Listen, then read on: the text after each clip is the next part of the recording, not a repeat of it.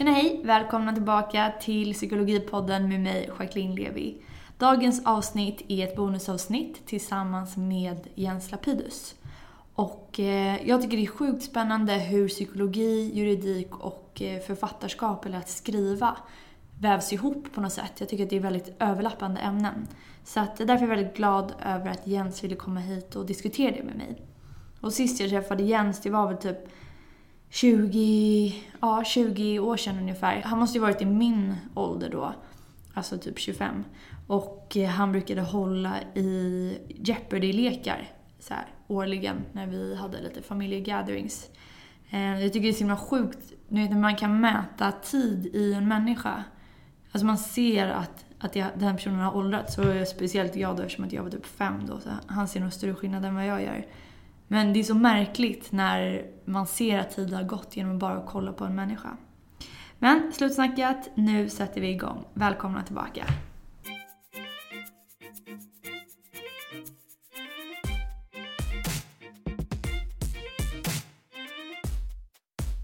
Hej och välkommen Sia till dagens gäst Jens Lapidus. Hej, hej, hej. Hej, hej. Det är så himla kul när jag har lyssnat på intervjuer med dig nu senaste dagarna. Du har ju ganska många olika uttal på ditt namn, alltså i olika intervjuer. Det har jag levt med hela mitt liv. Eh, det är inte lätt. Det ska vara Lapidus. Ja, det ska vara Lapidus. Jag har haft med alla möjliga. En gång hade jag en rättegång. Jag var notarie på den tiden, så jag, man är en slags assistent till domaren kan man säga. Och vi satt i en, en stor förhandling och en av advokaterna berättade om något han hade haft kontakt med innan och han sa att eh, jag har eh, redan varit i kontakt med notarie Lapidus angående det här, bla bla bla. Han sa mitt efternamn helt rätt. Och då tittar domaren strängt ner på honom uppifrån skranket och säger Han heter Lapidus. då var man inte så kaxig, då är det bara att svälja. Men brukar du säga till om någon säger fel eller är det så här, ja ja? Ofta gör jag det, men det, det, det händer så pass ofta att det går inte i alla situationer. Det kan till exempel vara om jag ska hålla en föreläsning för 500 personer så säger konferensen fel. Ja. Då rättar jag liksom inte, då kör jag bara. Mm. Men okej, för de som inte vet, vem är du? Jag är numera författare på heltid från fyra månader tillbaks. Mm. Men innan dess så var jag också advokat. Så att du har gått ur det här så kallade samfundet, tror jag det är? Precis. Det är den stora nyheten i mitt liv. Okay. Att jag har då från och med årsskiftet, sista december 2016, eh, lämnat Advokatsamfundet och då också mist rätten att kalla mig advokat och använda den titeln som advokat innebär. Eh, jag är fortfarande jurist, det kommer jag alltid vara. Det är en utbildning, men eh, jag är inte med i samfundet. Och jag har också gått ur min byrå, så jag, har, eh, jag är inte längre med Försvarsadvokaterna som, som vi hette. Och eh, jag jobbar inte som advokat längre, helt enkelt. Jag bara skriver. Men hur kommer det sig att du valde att gå ur samfundet?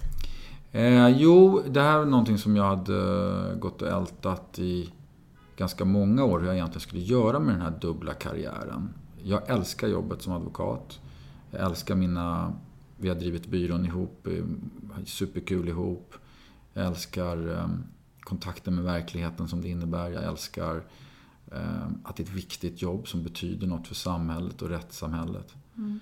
Ehm, men de senaste åren så började jag jobba mindre för att hinna med. Så att det började med att jag jobbade kanske 75 procent och sen 50 procent och sen förra året jobbade jag bara 25-30 procent. Mm.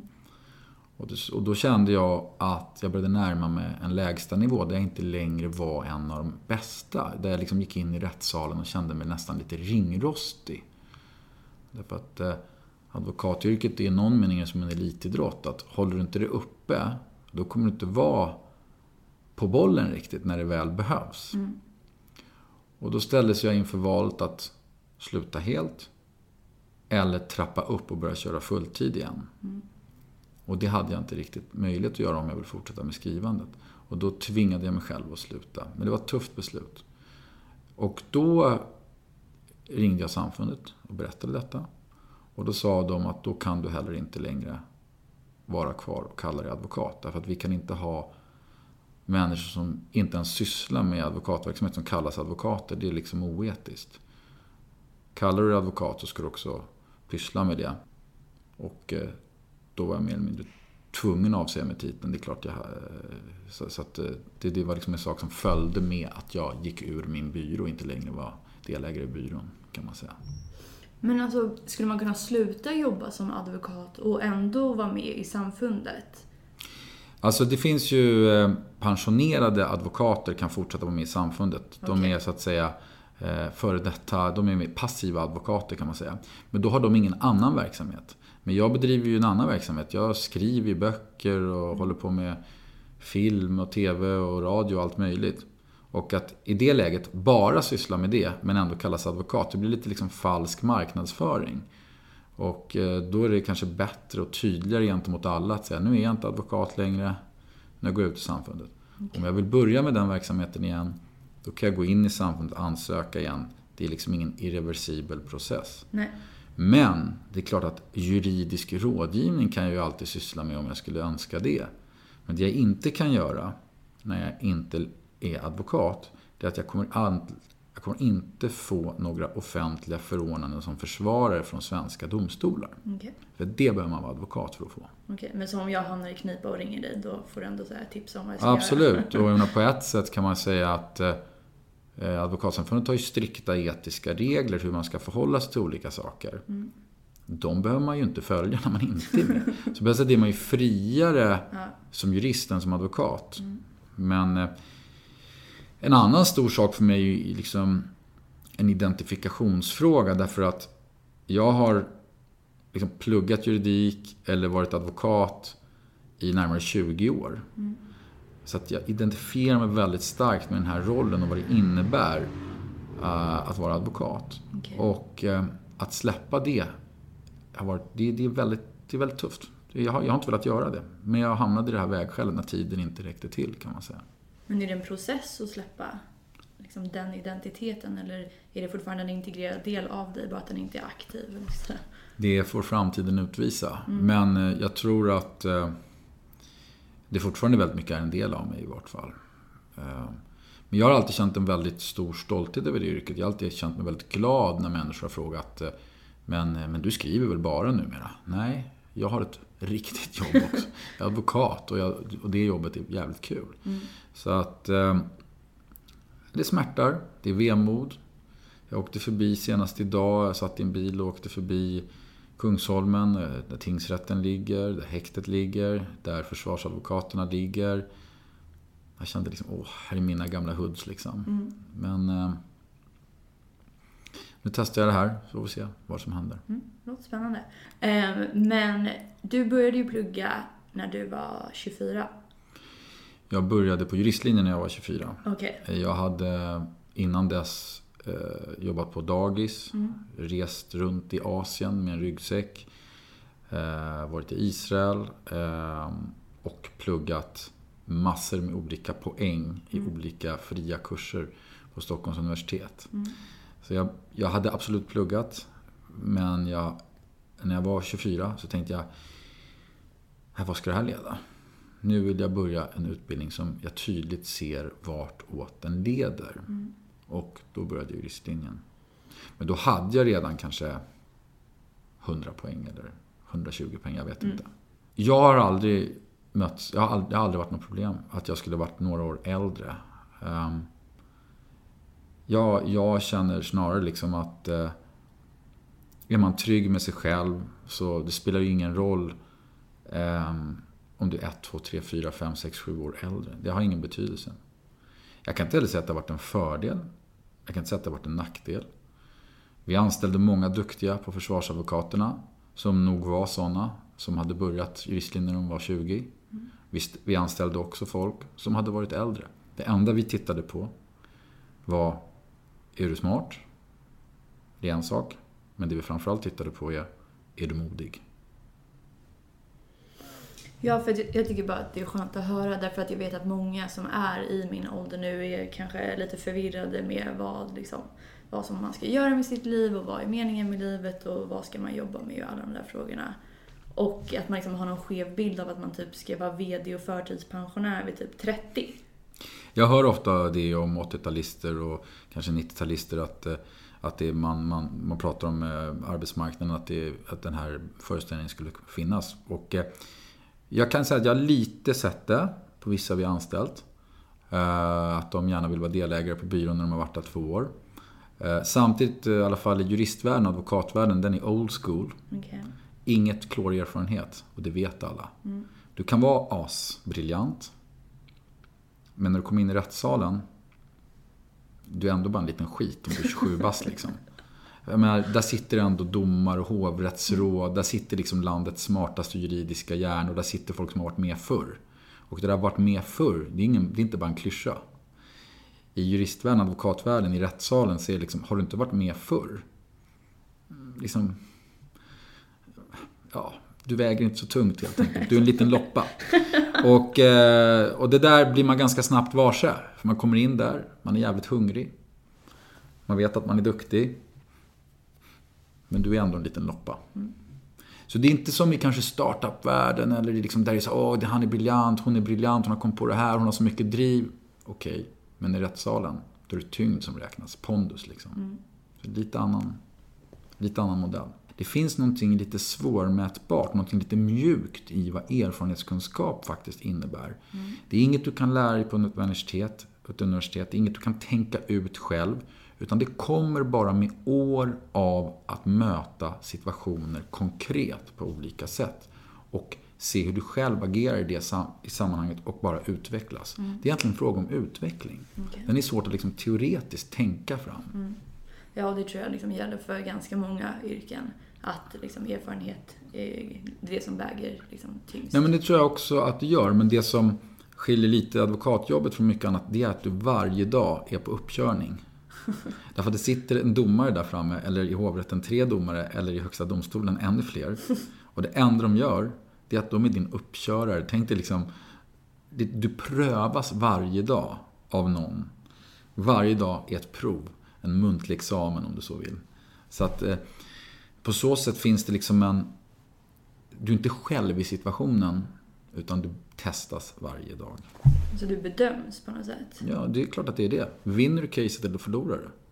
Det är liksom, du får ju det varje dag, du får domen så här. Hur gick det för dig då? Vann du eller förlorade du? Det är det jag menar som en elitidrottsman, som jag kanske kommer till senare. Advokatyrket är mycket som en elitidrott. Du tävlar hela tiden. Mm. Så det, du måste vara på tårna ganska mycket i rättssalen. Nu pratar jag alltså processadvokater. Inte om du sitter och skriver avtal och grejer, då är det mer som en försäkringsrådgivare, det vill säga det här avtalet som du hjälper ett företag med. Det kanske aldrig blir något problem med det, så det kanske aldrig testas. Eh, men i rättssalen så kommer alltid en dom. Kommer alltid liksom domarnas, resultatet kommer alltid på något sätt. Men när den här domen kommer, när du har jobbat, då ser du det som att det är liksom du har vunnit eller förlorat, eller du och klienten, eller klienten? Eh, nej, det är ju jag och klienten. Jag, det, det, advokatjobbet handlar väldigt mycket nu. Du har ju de här reglerna som du måste följa som advokat. Och, som Advokatsamfundet har satt upp och som gäller liknande i de flesta rättssamhällen runt om i världen. Och eh, den första regeln som är, den låter så här att en advokats främsta plikt är att visa trohet och lojalitet med sin klient. Och det låter, ja men det förstår jag vad det betyder, men det är, det är en ganska kraftig regel om man tänker på det. För att den främ, det finns massa andra plikter. Du får inte ljuga, du måste upp, hålla på tystnadsplikten, du får inte vara jävig, du, du får inte främja orätt, finns det till exempel. Det finns jättemånga regler, men den främsta plikten är att du ska vara lojal med din klient. Vad betyder det?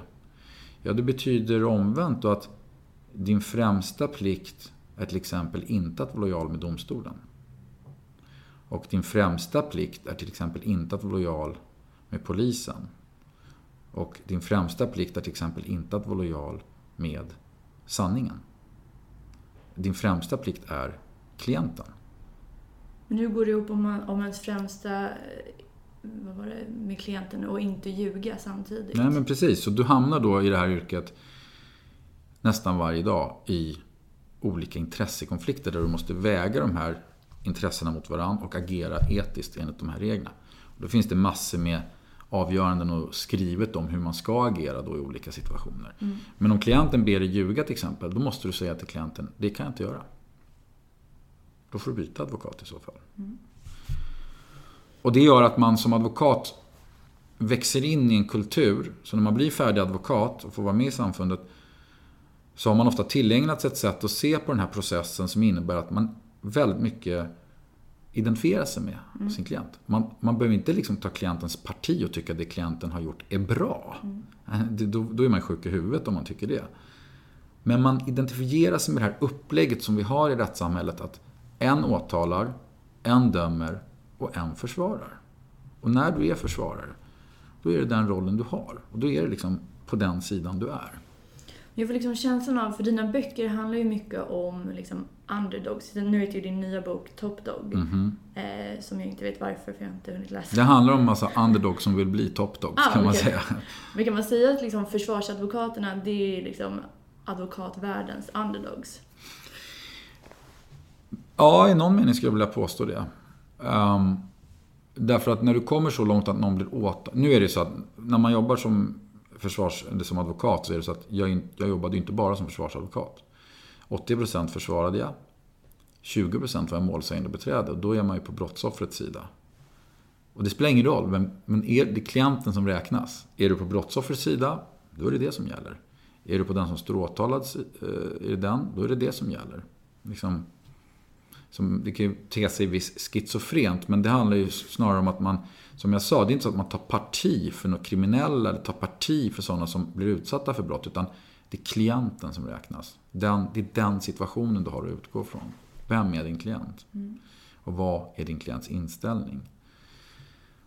Och eh, då kan man säga att eh, ibland kan det vara en, en väldigt tydlig underdog-situation därför att du är ensam advokat. I Sverige har vi liksom inte O.J. Simpson hade 20 advokater. Det är inte så det funkar i Sverige. Det är en advokat. Finns det en jury? Eh, ja, i vissa mål finns det jury. Men det finns ju nämnd. Det finns ju alltid. Och det är tre personer i tingsrätten då som inte är jurister som är med och dömer. Um, så det är en slags jury kan man säga, fast miniformat. Och då kan det vara så att du har någon som är åtalad för någonting väldigt hemskt. Och då har du ju Åklagarmyndigheten, det är en stor svensk myndighet med väldigt stora resurser som myndigheter har. Du har Polismyndigheten, en ännu större myndighet med stora resurser. De har du mot din klient. Du har kanske opinionen i landet, det kanske skrivs om din klient. Du har tidningarna och media emot din klient. Du har opinionen, alla hatar din klient som är åtalad för något hemskt som uppmärksammat. Du kommer in i rättssalen, det är fullt på åhörarplats. Där sitter massa människor, du ser hur hatet lyser i ögonen mot din klient. Du tittar på nämndemännen, du ser hatet lyser i ögonen mot din klient. Det blåser ganska hårt. Och det är ganska många som är emot din klient. Men det är bara en enda person som ska stå rak för den där klienten. Och det är du.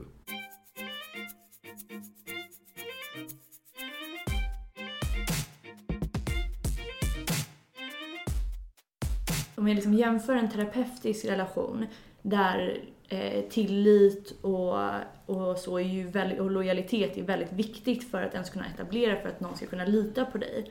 Då tänker jag att det borde gå att applicera även på den relationen du eller andra eh, advokater har med sina klienter.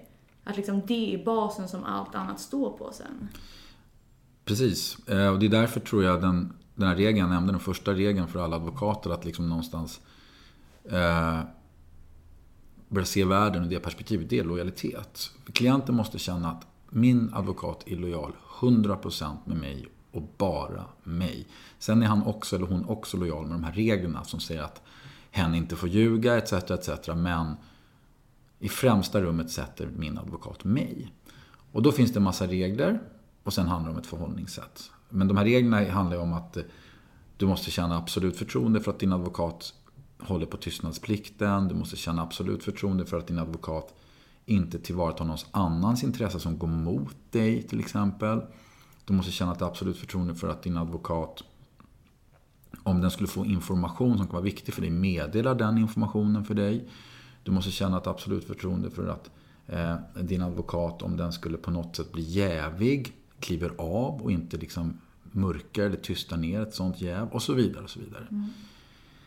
Ehm, jag kan ta ett exempel. Jag hade ett mål en gång eh, där jag försvarade en kvinna för ett antal grova rattfyllerier. Och eh, hon hade ett väldigt generiskt namn. Vi kan säga att hon hette Anna Svensson. Hon hette inte det, men vi säger Anna Svensson. Flera år senare så har jag ett misshandelsmål. Och eh, åklagaren åberopar ett vittne som heter Anna Svensson. Man ser aldrig något personnummer på vittnen för det vill man inte ha med för man vill att vittnen ska vara liksom så anonyma som möjligt. I det läget reagerar inte jag på namnet Anna Svensson. Eh, och jag kan heller inte kontrollera eftersom det anges inget personnummer, eller adress eller kontaktuppgifter. Så det, det händer bara så. Vi sätter igång förhandlingen. Och någon gång eh, dag två så kommer åklagarens vittning som ska vittna mot min klient och säga att hon såg min klient slå en annan. Och jag ser att shit, det där är ju Anna Svensson. Det är min gamla klient. Och här sitter jag då i en situation där mitt uppdrag för min nuvarande klient är att kötta sönder hennes vittnesmål. Men hon är min gamla klient. Och jag vet ju massa grejer om henne, om hennes alkoholproblematik, som jag naturligtvis inte skulle vetat om jag inte hade varit hennes advokat en gång i tiden. Så hur ska jag agera? Jag har två, en gammal klient och en nuvarande klient. Och båda har jag en lojalitetsplikt mot. Det är inte så att man tappar lojalitetsplikten bara för att det är en gammal klient. Så hur ska jag göra? Jag måste räcka upp handen och säga ursäkta fru domare. Jag är jävig. Jag har upptäckt nu, i denna sekund, att jag är jävig. Och jag måste avträda målet. Hon blir inte glad.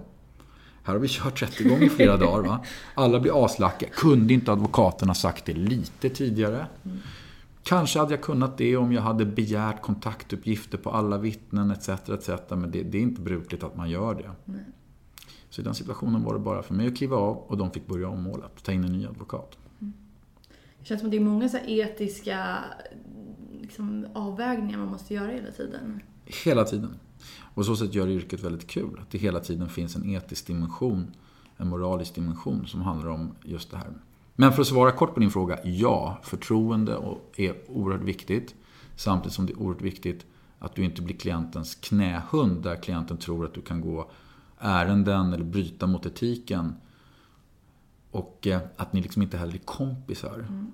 Um, jag har ju, jag hade Facebook förut när Facebook var ungt och jag var, inte visste hur man skulle göra riktigt. Och jag hade min Facebook, jag hade lite familjer och lite kompisar och lite du vet, bilder på mina föräldrar och bla bla bla.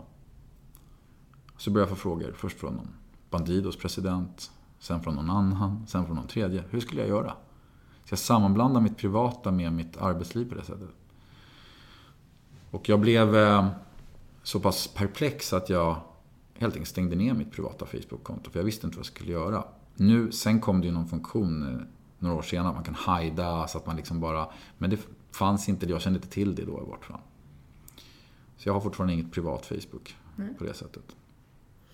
Nej, men jag tänkte på en annan grej med det här med etiska och hur liksom juridiken går ihop med psykologin väldigt mycket. Som jag förstår det så ingen lag är väl definitiv utan det är väl alltid liksom å ena sidan och å andra sidan och att man kan hålla på fram och tillbaka.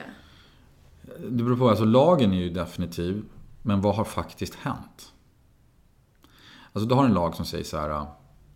Eh, vi tar ett enkelt exempel att eh, man får inte misshandla någon, säger vi. Det, det, det, det är absolut, man får inte misshandla. Men när är något en misshandel? Det är väldigt enkelt. Nödvärnsinvändning till exempel. Ja, men jag uppfattade att han höjde näven mot mig innan. Så det jag gjorde var egentligen bara att försvara mig mot ett slag som var på väg att komma mot mig. Och där blir egentligen det som händer i rättssalen ren och skär psykologi. Och väldigt, de skickligaste advokaterna är väldigt stora psykologer. De förstår dels hur minnet fungerar hos en människa. De förstår hur olika emotioner påverkar vår perceptionsförmåga. Rädsla kanske, glädje, ilska, fylla, som kanske inte är en emotion men ett, ett, ett, ett liksom sinnestillstånd. Eh, och de förstår hur människors motiv påverkar. Den här har en anledning att beljuga. Den här har en anledning att inte riktigt komma ihåg. Den här har en relation till den och vill därför tala något mer väl om den än vad den vill om någon annan. Och så vidare. Och så vidare. Mm. Så väldigt ofta i faktiska förhören, när man då ska ta reda på vad hände den här natten på den här baren när du utdelade ett slag, blir det väldigt mycket psykologi, människokännedom. Det är inte så mycket juridik när du sitter och pratar med en annan människa, utan det handlar om att eh, få ur den här människan det som du vill få ur den. Och är du försvarare, och beroende på vad vittnet har för uppgifter, så kanske du vill få ur fram att personen inte alls minns särskilt bra, utan har konstruerat minnen så som människor ofta gör. Eller att personen ljuger.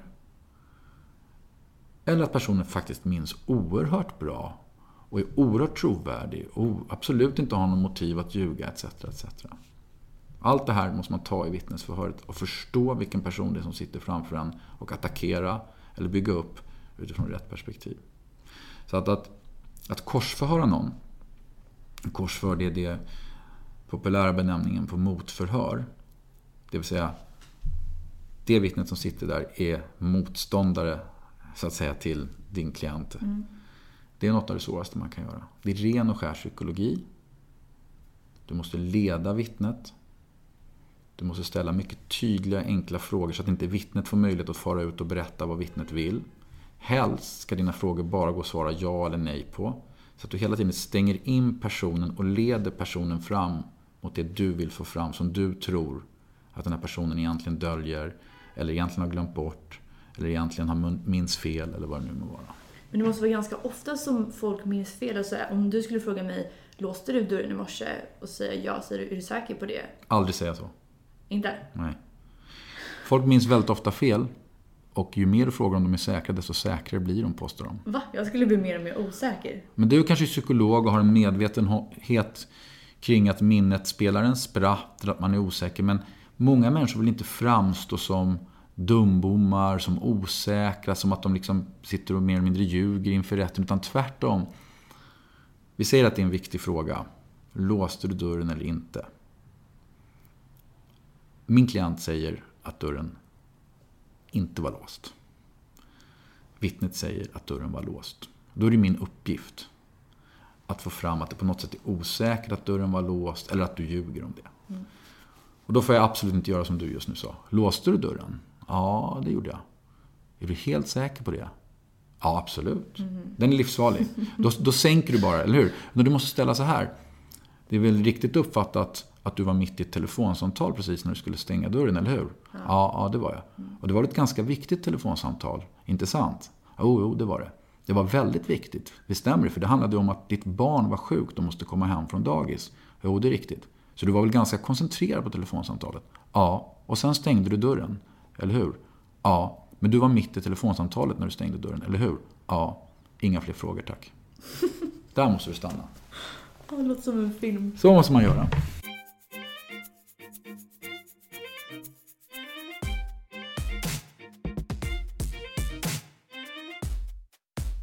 Som eh, försvarsadvokat, har du liksom fått en större förståelse för hur kontextuella faktorer kan leda till att man gör, begår ett brott? Eller tror du mer på att det liksom är en egenskap hos en person, den här personen är ond? Eller tror du så här, ah, men om du var under fel liksom, omständigheter Jackie, då kan du också mm. begå ett mord?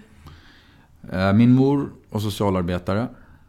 Ehm, jag växte upp med diskussioner kring middagsbordet kring olika fall Eh, som min mamma berättar om människor i samhällets utkant eller marginaliserade människor som hade det tufft på olika sätt och som hon hjälpte på olika sätt.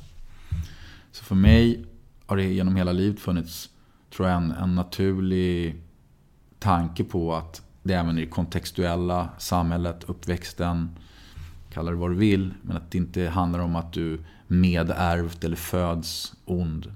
Det är klart att det finns människor som föds med dålig impulskontroll, som föds med olika bokstavskombinationer som gör att de kan få problem senare i livet som föds med, psykologiska, med, med psykiska sjukdomar eh, på olika sätt. Det finns en mängd olika saker som naturligtvis kan vara medfött. Men jag menar, i min värld är det absolut en blandning av alla dessa faktorer. Mm. Och eh, som advokat blir det ganska tydligt skulle jag säga när du träffar människor som är åtalade för brott. Att eh, beroende på lite brottstyp och bakgrund, men det är ganska ofta så att människorna har haft det tufft själva på olika sätt.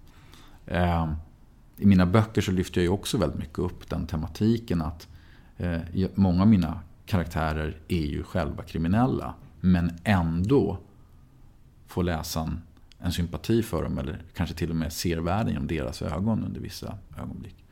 Men, men väldigt många som blir åtalade för brott. Jag, menar, jag kan säga jag har suttit i några av de allra största kopplerirättegångarna i, i, som har varit i, i Stockholm, i Sverige. Eh, jag har försvarat personer som har blivit åtalade då för koppleri.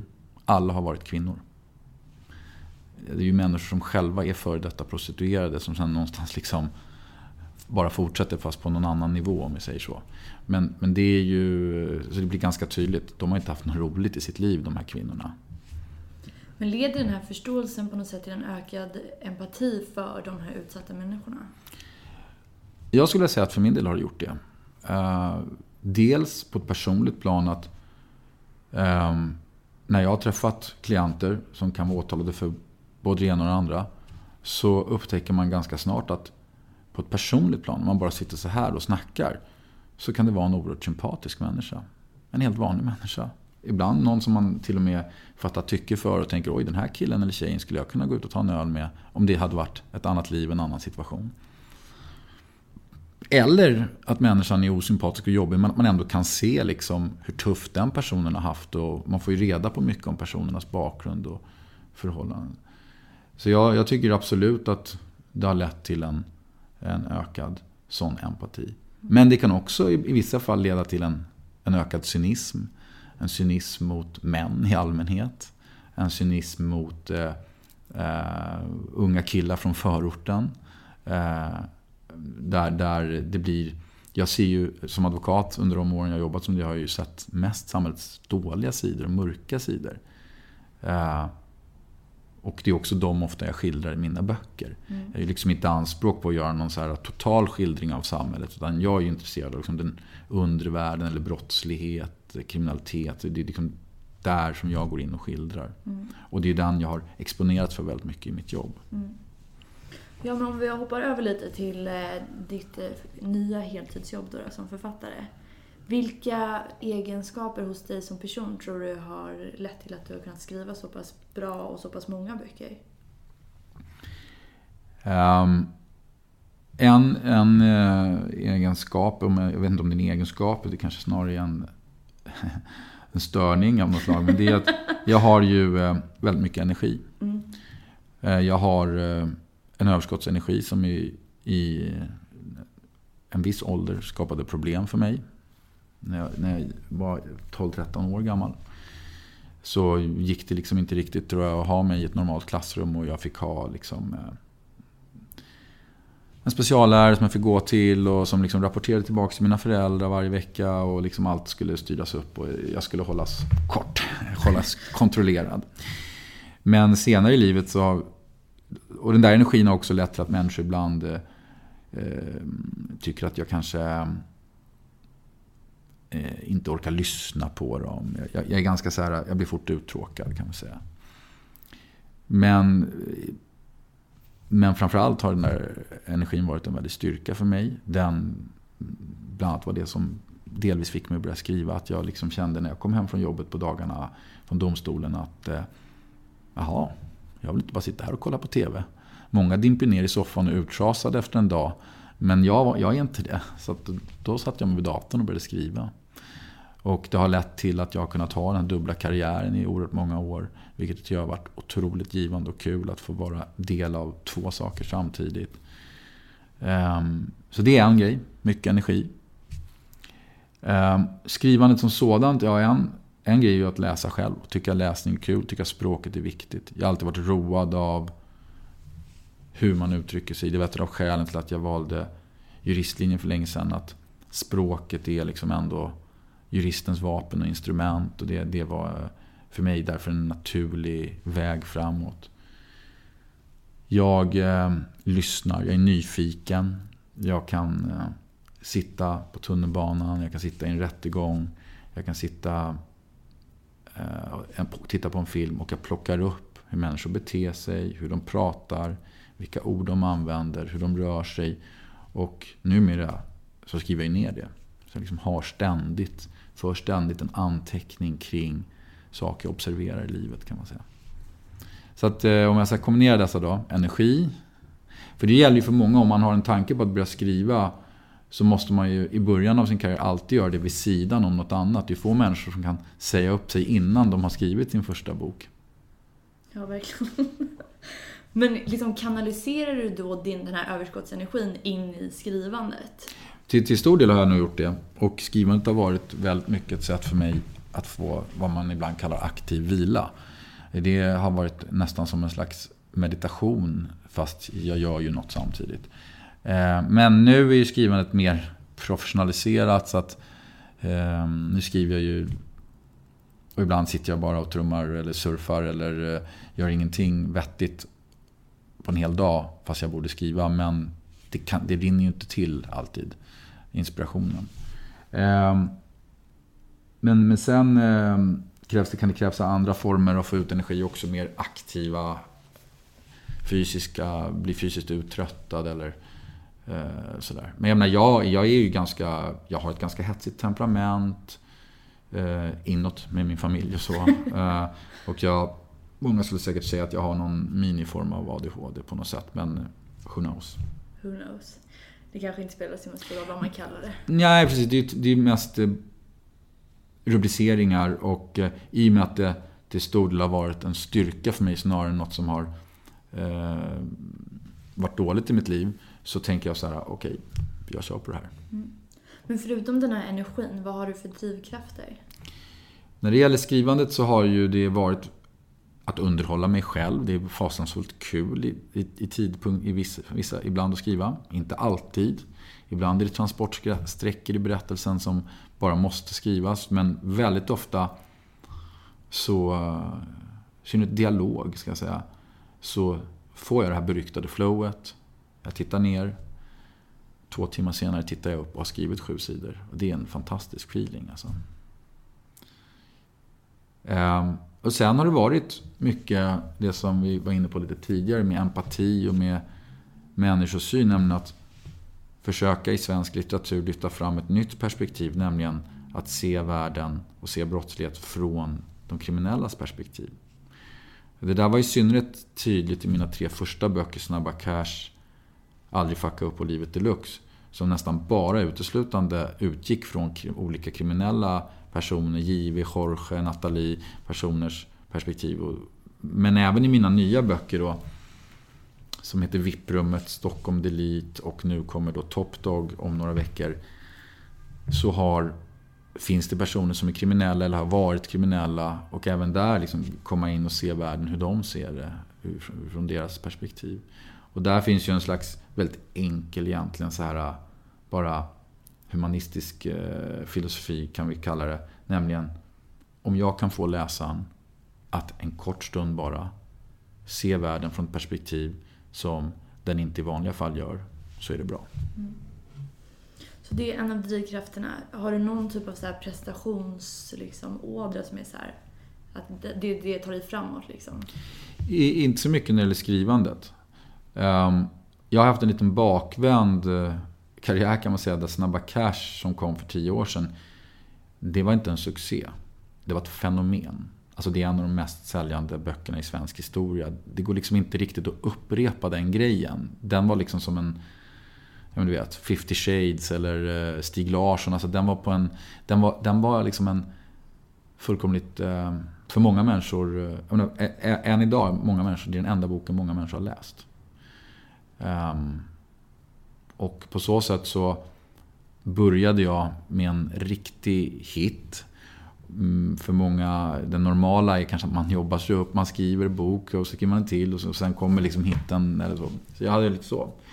Så min prestation är att jag är inte så pres, pres, prestigig när det gäller böckerna men däremot så um, utan snarare tvärtom så försöker jag nästan så här hur kastar jag av mig förväntningar? Och, eh, och skriver så fritt som möjligt. Mm. Hur gör du det? Nej, det är väldigt svårt. Därför att med första boken var det inte så svårt. För det visste jag inte ens vad jag höll på med själv. Jag visste inte att jag hade några läsare. Jag visste inte att den skulle bli publicerad. Jag visste i början inte ens att jag skrev en bok. Jag visste bara att jag skrev. Um, nu vet jag att jag har hundratusentals läsare på varje bok som kommer. Nu vet jag att förlaget sitter och liksom förväntar sig saker. Och, eh, och där handlar det ju ganska mycket om att tvinga sig till att glömma alla regler, glöm vad du tror att folk vill ha, tänk bara vad själv vill jag ha. Men det, det är inte lätt för den sakens skull. Mm. Men med den här nya boken Top Dog så har, har, jag faktiskt lite grann lyckats närma mig en, sånt, en sån inramning, en sån process ändå för att eh, den har varit fantastiskt kul att skriva och jag har lite grann bara sprungit. Alltså i processen. Jag har bara, jag har bara rusat på i mitt skrivande. Jag har inte, jag har inte tänkt att nu, nu måste jag ha en sån här karaktär. Nu måste, jag, nu måste det hända. Jag har bara liksom tokskrivit. På ett otroligt driv har jag haft. Så det var otroligt kul och det, eh, att skriva den här boken. Sen är det klart att det, då blir, redigeringsarbetet blir mycket större då. För att vad som händer när jag skriver på det sättet är att oj då, den här lilla intrigen funkade inte riktigt och det här sidospåret ledde ju ingen vart så det måste jag liksom redigera bort. Så det har varit en väldigt kraftig redigering.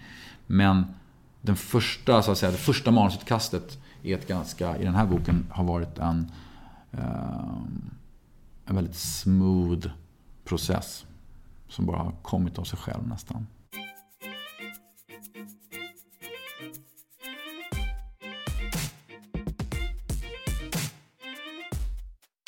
När du skapar de här världarna, så de finns ju bara i ditt huvud. Hur behåller man liksom verklighetsuppfattningen och liksom sanity när man liksom hela dagarna är inne i den här äh, egna världen och sen ska man liksom ut ur den och hem till liksom riktiga livet? Det har aldrig varit något problem för mig. Uh, tycker jag inte. Um, det kan snarare, ibland kan det vara ett problem i advokatyrket om det är något riktigt jobbigt mål som liksom gräver sig in lite i hjärnan innan för de här barriärerna som man som advokat bygger upp efter ett antal år där man blir lite härdad och lite så här äh, jag får ett hjärta av sten. Skämtsamt. Man, måste, man utsätts ju för rätt mycket jobbiga grejer. Eh, men i skrivandet har det aldrig varit ett problem. Det är, jag stänger igen datorn och jag är tillbaka i den vanliga världen. Men tror du att det är för att du har övat upp den typen av distanstänk i ditt tidigare yrke? Att det liksom inte har funkat att ta med sig alla de här fallen hem och därför så liksom spiller det över nu på, på det här liksom arbetet? Jag vet inte. Jag vet bara att det är väldigt tydligt. Och det, det, all, det är aldrig, har aldrig varit... Eh, det, och, det, och det kanske också gör med att skrivandet snarare blir som någon slags utlopp för olika eh, tankar eller som en debriefing snarare av det som jag kanske har stött på i jobbet. Eh, och, och, och som när jag är klar med det, då har jag liksom behandlat det i form av skrivandet. Så det, jag, jag, jag, kan inte svara på det. Jag kan bara säga att jag har fått den här frågan förr och eh, och även hört andra författare prata om det. det. det. är ingen som har problem med det där. Man tror kanske det att här befinner du dig i huvudet i, i det här. Men, menar, många människor gör ju det. Det kanske inte är en fiktiv värld. De kanske befinner sig i något oerhört intensiv operation. Eller de, de, de står och... Vad vet jag vad människor gör, allt vad de gör med sina liv. Men jag tror ändå när man kommer hem är det ganska enkelt att, aha, nu kommer jag hem, då är det det som gäller. Liksom. Vet, vi har ju förmågan att på något sätt switcha mellan olika eh, fokus. Ja men det här med att switcha fokus, för det känns som att du måste ju ha en väldigt liksom, god och stor inlevelseförmåga i hur andra människor tänker och känner. Det är ju svårt att simulera känslor och tankar, eller känslor specifikt som man inte har haft själv. Men för dig att bygga upp alla de här olika karaktärerna i de här olika böckerna, så i det här måste det ändå finnas mycket av dig, eller i din förmåga att liksom... Det är riktigt. Ehm, att gestalta en annan människa, att gestalta hur en annan människa tänker eller känner, eh, kräver ju inlevelseförmåga. Eh, väldigt ofta, förvånansvärt ofta, kan jag ta en egen känsla jag har haft och på något sätt transferera den. Om jag till exempel skildrar en karaktär som eh, ska gå in i ett rum där det sitter en gangsterboss som han vet är beväpnad. Då känner han sig jävligt nervös. Vad ska hända? Hur ska jag hantera det här? Jag har aldrig varit i den situationen. Men däremot har jag varit i en situation där jag skulle plädera inför Högsta domstolen. Där sitter några justitieråd. Jag är jävligt nervös. Jag tänker, vad ska hända? Hur ska det här gå? Och då tar jag den känslan, bara känslan, och så lyfter jag ut den och för in i min karaktär som ska gå in i rummet med gangsterbossen. Och då blir det, förhoppningsvis, en väldigt vederhäftig, eller trovärdig eller autentisk beskrivning av nervositet. Mm. Jag hämtar den från en helt annan situation. Men nervositet är ändå nervositet. Det är liksom en allmänmänsklig känsla. Mm. Så att även om jag inte lever överhuvudtaget i närheten av de jag skriver om och deras liv. Så ganska ofta går det att hitta känslorna i saker jag har varit med om ändå. Du sa att du hade ganska högt temperament, men är du en känslomänniska liksom överlag? Nej. Nej? Nej, det vill jag inte påstå. Men ändå lyckas du liksom... Jag är ju så här, nästan vansinnigt rationell. Okay. På ett uh, obehagligt sätt. Skulle jag säga. Ja. Okay. Men hur kan du då liksom beskriva alla de här känslorna på ett så autentiskt sätt? Ja, men när, jag säger rationell och känslomänniska så menar vad jag menar är att jag är inte en känslomänniska som liksom... Jag kommer inte... Om jag träffar en ny människa kommer jag inte sitta och garva med den utan, direkt. Utan jag, det tar ganska lång tid för mig att bli nära en annan människa. Jag uppvisar inte liksom känslor på det sättet. Alltså temperament, det kan jag, liksom, men jag är inte en... Jag är ganska så här, många journalister och sådana som träffar mig i ett ganska ytligt sammanhang vet jag uppfattar mig som ganska så här återhållsam, kontrollerad och så. Och det, och det, det är jag nog. Så på så sätt är jag ju inte en känslomässig känslomänniska, förlåt. Däremot så um, är jag intresserad av hur människor är, varför de tänker som de tänker, vad de ger uttryck för i sitt sätt att tala, i sitt sätt att klä sig, i sitt sätt att agera. Eh, så att jag har ett väldans intresse på det sättet för de aspekterna av människors beteende. Mm. Ja, för det tänkte jag också på att det är också en stor overlap där med alltså både dina böcker och ditt tidigare jobb och psykologi. Alltså ett försök att förstå människan och varför eh, Precis. den har betett sig på ett visst sätt. Liksom. Mycket. Men påverkas du någonting? Du sa att det är lätt att stänga av datorn och komma tillbaka till verkliga livet. Liksom. Men påverkas du någonting av dina kar karaktärer? Nej, det tror jag inte. inte. De påverkas mycket av mig, men jag påverkas nog inte så mycket av dem. De finns där i mitt huvud. Jag tänker på dem, ofta. Snabba Cash-trilogin tog sju år att skriva. Eh, den här trilogin som avslutas nu, den har tagit fem år att skriva. Det är klart att eh, under de fem åren har jag tänkt på de här karaktärerna nästan varje dag. Men jag tror inte att de påverkar så mycket, det tror jag inte. Det är inte så att du ibland bara, nej men nu ska jag vara lite givet. Nej, jag är Gud. Jag är Gud. Jag bestämmer över dem. Det är sällan de bestämmer över mig. Däremot kan jag, jag kan se en tv-serie, eller jag kan se, läsa en bok, eller jag kan se hur en människa beter sig och tänka, hmm, så där borde jag låta den och den bete sig lite mer i boken. Du verkar återkomma till det här med kontroll. Eh, både vad det gäller dig själv och sen tror jag också när man jobbar som eh, advokat måste man ju vara väldigt kontrollerad, alltså självkontroll. Mm. Eh, är det därför också bland annat som du har valt att helhjärtat satsa på författarskapet? Ja... Det vet jag inte. Det kanske hänger samman på något sätt. Men eh, jag tror att det blev svårt för mig att... För jag jobbade mindre och mindre som advokat och det blev svårt för mig när jag var nere på förra året jobbade jag bara 25-30% som advokat och i det läget kände jag att om jag ska vara en av de främsta så måste jag antingen liksom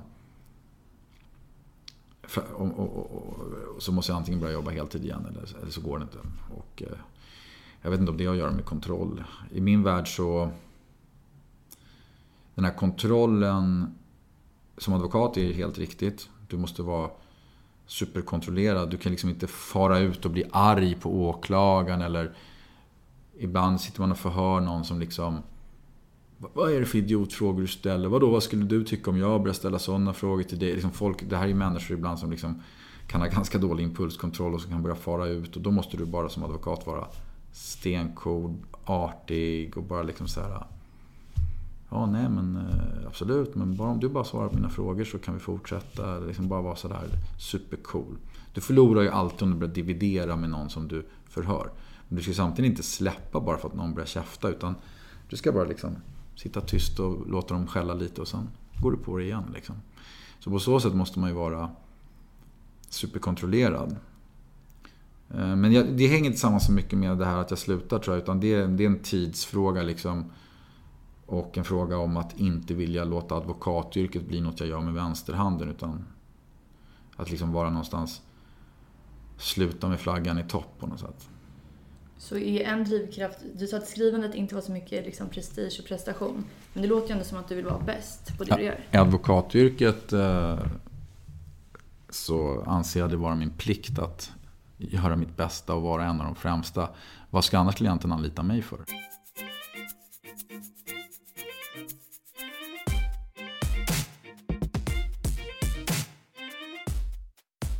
Du pratar mycket om att liksom, du i sådana här sammanhang kan uppfattas som liksom, eh, jag vet inte hur jag ska uttrycka det, tillbakadragen, lite återhållsam kanske, jag vet inte. Men eh, alltså måste man inte vara ganska introvert eller vad man ska kalla det för att kunna spendera så här många timmar med sig själv och skriva så här mycket?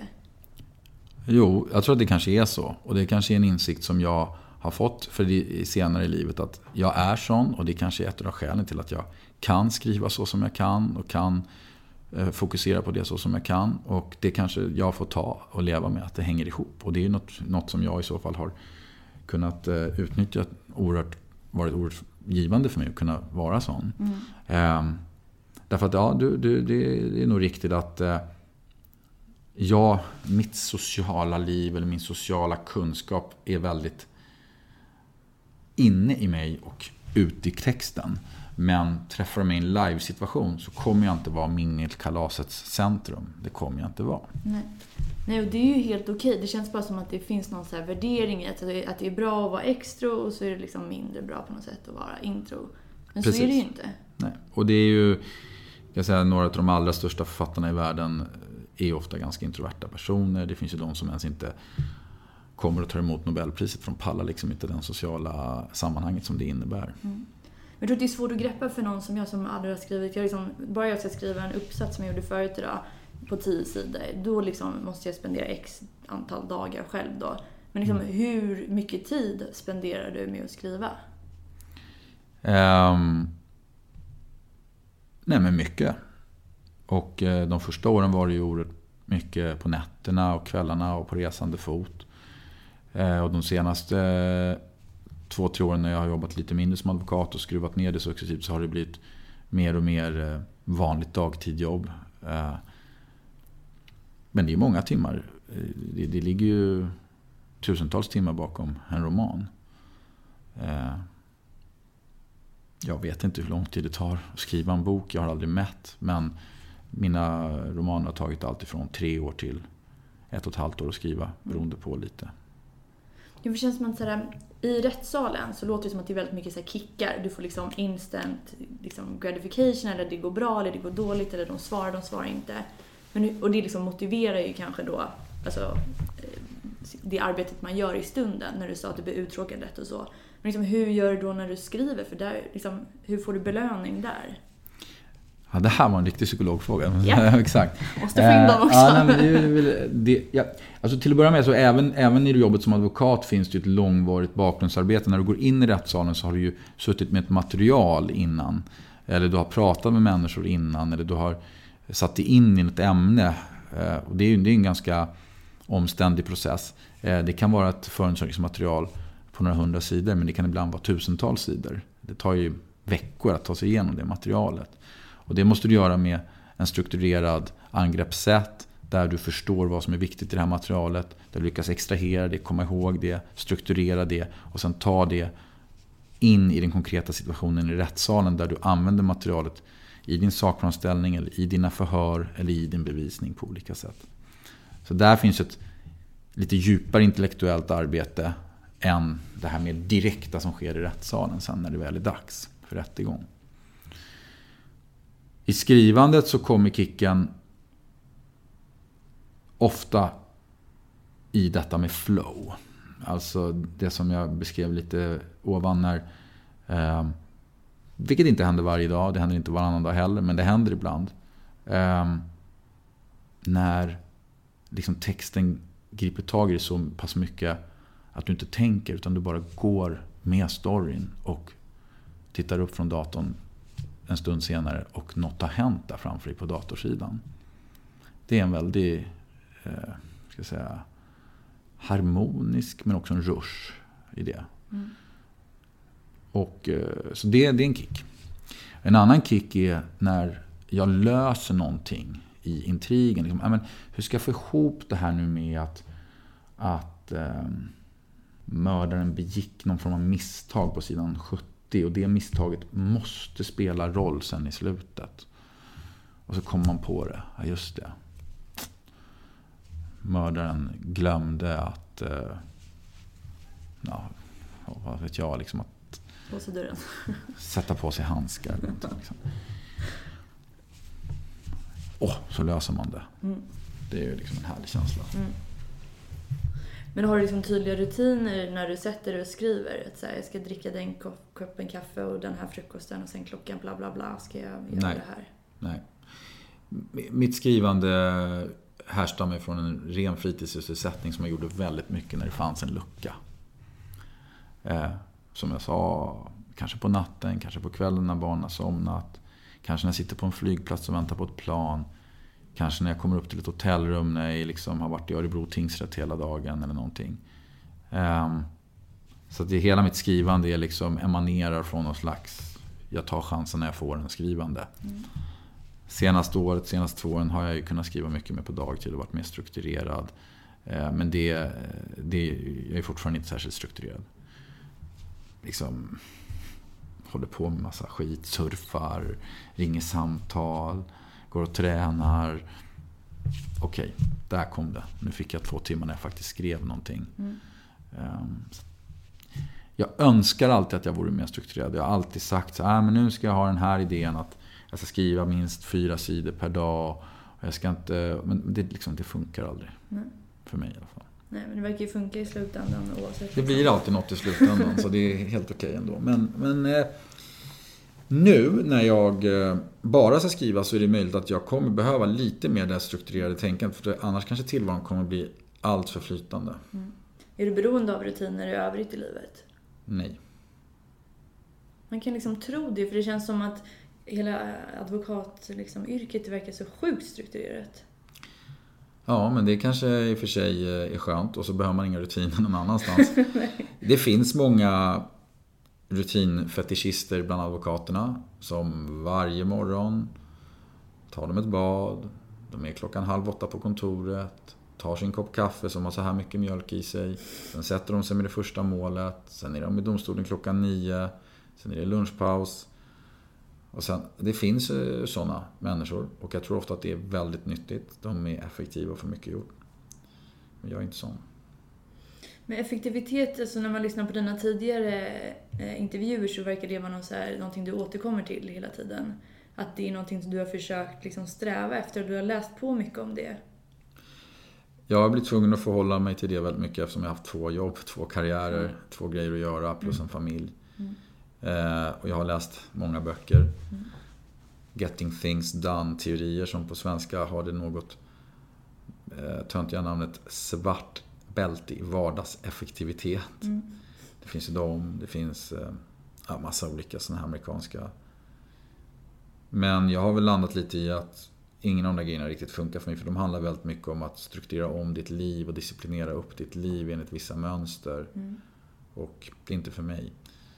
Däremot så har jag väl förstått eh, att en del av min effektivitet eller min förmåga att göra många saker handlar om just den här energin. Och den har jag lite medfödd. Så att det, det är kanske lätt för mig att prata om det.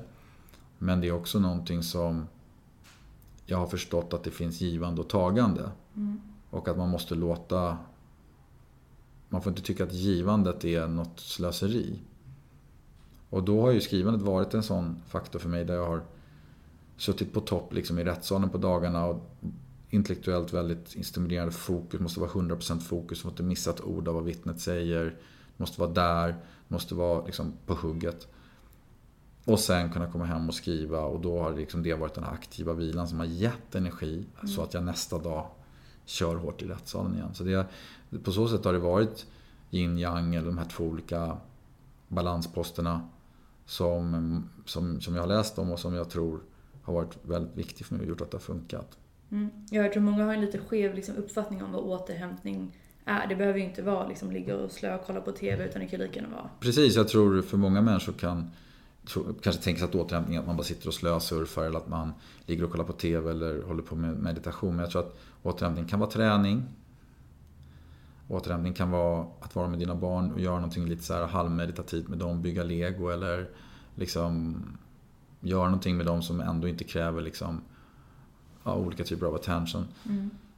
Ehm, det kan vara tror jag, väldigt, väldigt mycket tror jag på musik. Ta fram din gamla gitarr, ta fram ditt piano, sätt dig med garageband och spela in någonting eller whatever. Det kan vara för min del har varit skrivande väldigt mycket. Mm. Ehm, så jag tror att många kreativa grejer är, ger återhämtning. Mm. Jag bara tänkte en snabb grej. Alltså om man gör touchdown lite i din hjärna. Alltså tänker du, för fotografer tänker ju ibland sig bilder när de bara går runt. Tänker du liksom i berättelse eller typ i, om du själv är tredje person liksom, så gick han in i... Jag tänker aldrig om mig själv i tredje person. Det kanske borde...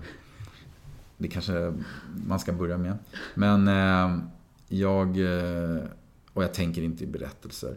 Däremot så ser jag mycket berättelser i tillvaron där andra kanske inte ser en berättelse. Eh, det kan räcka med att jag hör ett samtal mellan två personer så kan det väcka en tanke. Jaha, undrar, undrar vilka de där är. Och, och liksom, aha, den kanske, den kanske gör sådär. Tänk om den skulle hamna i den här situationen. Och, och så redan växer en liten novell fram i huvudet liksom om, om de här personerna. Det kan vara ett ord som någon säger, åh vilket kul ord, liksom, det där skulle jag vilja få in i en dialog någon gång. Och så växer liksom den här dialogen och utifrån det. Så att jag, jag har väldigt mycket så att detaljer som jag stöter på i tillvaron väcker berättelseidéer. Kan jag säga. Berättelsen är ju för övrigt oerhört stark idag. Alltså berättelsen, jag menar, vi kanske inte, människor kanske inte lä, unga människor i Sverige läser kanske inte lika mycket som för 10-20 år sedan. Men det är, däremot tror jag inte att man tar del av färre berättelser. Vi har tv-serier, vi har eh, reklamkampanjer. Alla varumärken vill idag vara förknippade med berättelsen om varumärket. Det ska vara berättelsen om den här coola 80-talsgrejen eller det ska vara berättelsen om någon kändis som är kopplad till varumärket eller vad det än är. Men varumärken och de produkter som ska säljas genom varumärkena bygger idag så oerhört mycket på berättelsen om. Mm. Um, och um, i allt detta så finns ju också något obehagligt, nämligen att ibland blir berättelsen viktigare nästan än fakta, än sanningen. Och uh, så, här, så här har vi ett ansvar naturligtvis. Men vad jag försöker säga är att vi lever verkligen i berättelsernas tidevarv. Mm. Och uh, det här gör att uh, de kungarna idag, kungarna i Hollywood, kungarna i reklamvärlden, kungarna i varumärkesvärlden. Det är de som kan komma på bra berättelser. Mm. Manusförfattarna, inte regissörerna längre, manusförfattarna. Mm. Jo men vi lever ju i en liksom lite mer modern värld då, än kanske när du växte upp. Eller hade du mobil när du var typ mellan 15 och 20? Mm, den kom ju då när jag var... Men jag hade inte när jag var 15, då fanns inga Nej. mobiler. Men tror du att du hade varit lika bra på att argumentera om det var så att du hade vuxit upp i den här liksom Google-bubblan som vi lever i nu? Ingen aning. Det, det, det är ju naturligtvis så, man hör om detta, att folks åsikter bara speglas hela tiden. Man befinner sig i sina egna små sociala rum på nätet där alla tycker som du och så be- befästs bara att din åsikt är den rätta och så stöter du egentligen aldrig på på ett seriöst sätt eh, andra åsikter och andra förhållningssätt. Samtidigt som nätet ger en enorm möjlighet att faktiskt ta del av andra förhållningssätt. Och, och, och, så att jag kan inte svara på det. Eh, jag har ju liksom alltid varit intresserad av att argumentera, alltid varit intresserad av att försöka se den andra människans perspektiv och, och, och, och nästan ibland när jag var ung eh, ta det perspektivet bara för diskussionens skull, för att det är kul. Jag menar, jag är jude också, det finns en naturlig, tror jag, judisk tradition att man alltid varit i marginalen, man har alltid varit i minoritet. Att liksom, ja men tänk på det här och tänk hur det är att inte vara en del av majoriteten eller hur det är hur att se det från ett annat perspektiv. Mm. Jag har alltid eh, haft den liksom flerperspektivsmodellen naturligt från barndomen, från min mamma, från min pappa. Liksom det, det har alltid varit liksom natural. Så det, jag, jag vet inte om det skulle vara mindre idag eller mer idag på grund av, som du säger, de här uh, ekorummen som man kan säga, där man bara liksom egentligen får tillbaka det man redan tycker. Mm. Uh, men det är klart att det är en oroväckande utveckling om det är så att, uh, att, att det, bruket av sociala medier och så vidare gör att man inte exponeras för andra åsikter. Mm. Då det blir bara mer och mer polariserat. Man tycker att den andra sidan är fullkomligt dum i huvudet. Eh, istället för att på allvar säga, att men de kanske tycker så här då, på grund av det här. Mm. Men du själv är inte så himla aktiv på sociala medier? Förutom Nej. när du släpper ja. böcker? Jag... Nej, jag har Facebook, en, liksom en professionell eller så, Facebook-sida. Jag har en, en Instagram-konto. Men jag mm. lägger bara upp sånt som är relaterat till mina böcker där. Mm. Eller, eller tv-serier eller andra grejer som jag håller på med. Mm. Jag... Eh, nej, jag, jag, jag, jag, är faktiskt inte så intresserad. Nej. Jag tycker liksom... Ja. Men skiljer du liksom på personliga Jens och sen liksom publika Jens? Lite gör det. Eh, publika Jens har aldrig glasögon. Utan linser. Personliga Jens kan ha glasögon ibland och linser ibland. Så det är lite min Clark Kent-grej. Jag har glasögonen och då känner inte folk igen mig riktigt lika mycket. Det kan vara skönt. Okay. Men är det liksom, hur är det att vara känd i Sverige? Först är inte jag jättekänd. Det är liksom inte, det är inte någon liksom, du vet, eh, det är inte Stefan Löfven eller Zlatan känd va? på det sättet. Så det är, för det mesta märks inte överhuvudtaget. Men ibland, om jag är på en restaurang eller på en krog, så när människor kanske har fått något i sig, då försvinner lite av den här eh, svenska blygheten och eh, folk ska komma fram och prata. Men, eh, eller häromdagen när jag gick igenom tunnelbanespärren och det står några snubbar i Adidas mjukisbyxor och kepsar och ser ut som de tillhör något gäng och bara Lapidus, vi älskar dig, ungefär så mm, då är det bara kul. Jag tycker det är helt okej. Okay. Men det, det är klart, ibland känner man att ja, folk lyssnar lite extra när jag står och pratar med min fru i Konsumkön. Liksom. Spännande. Mm. Okej, vi ska avsluta med en sista fråga. Vad är det mest kriminella du har gjort? Det svarar jag inte på. Vad är det näst mest kriminella Det näst mest kriminella? Kört för fort. Okej, tack för att du ville komma. Tack. Ha det bra. Hej, hej.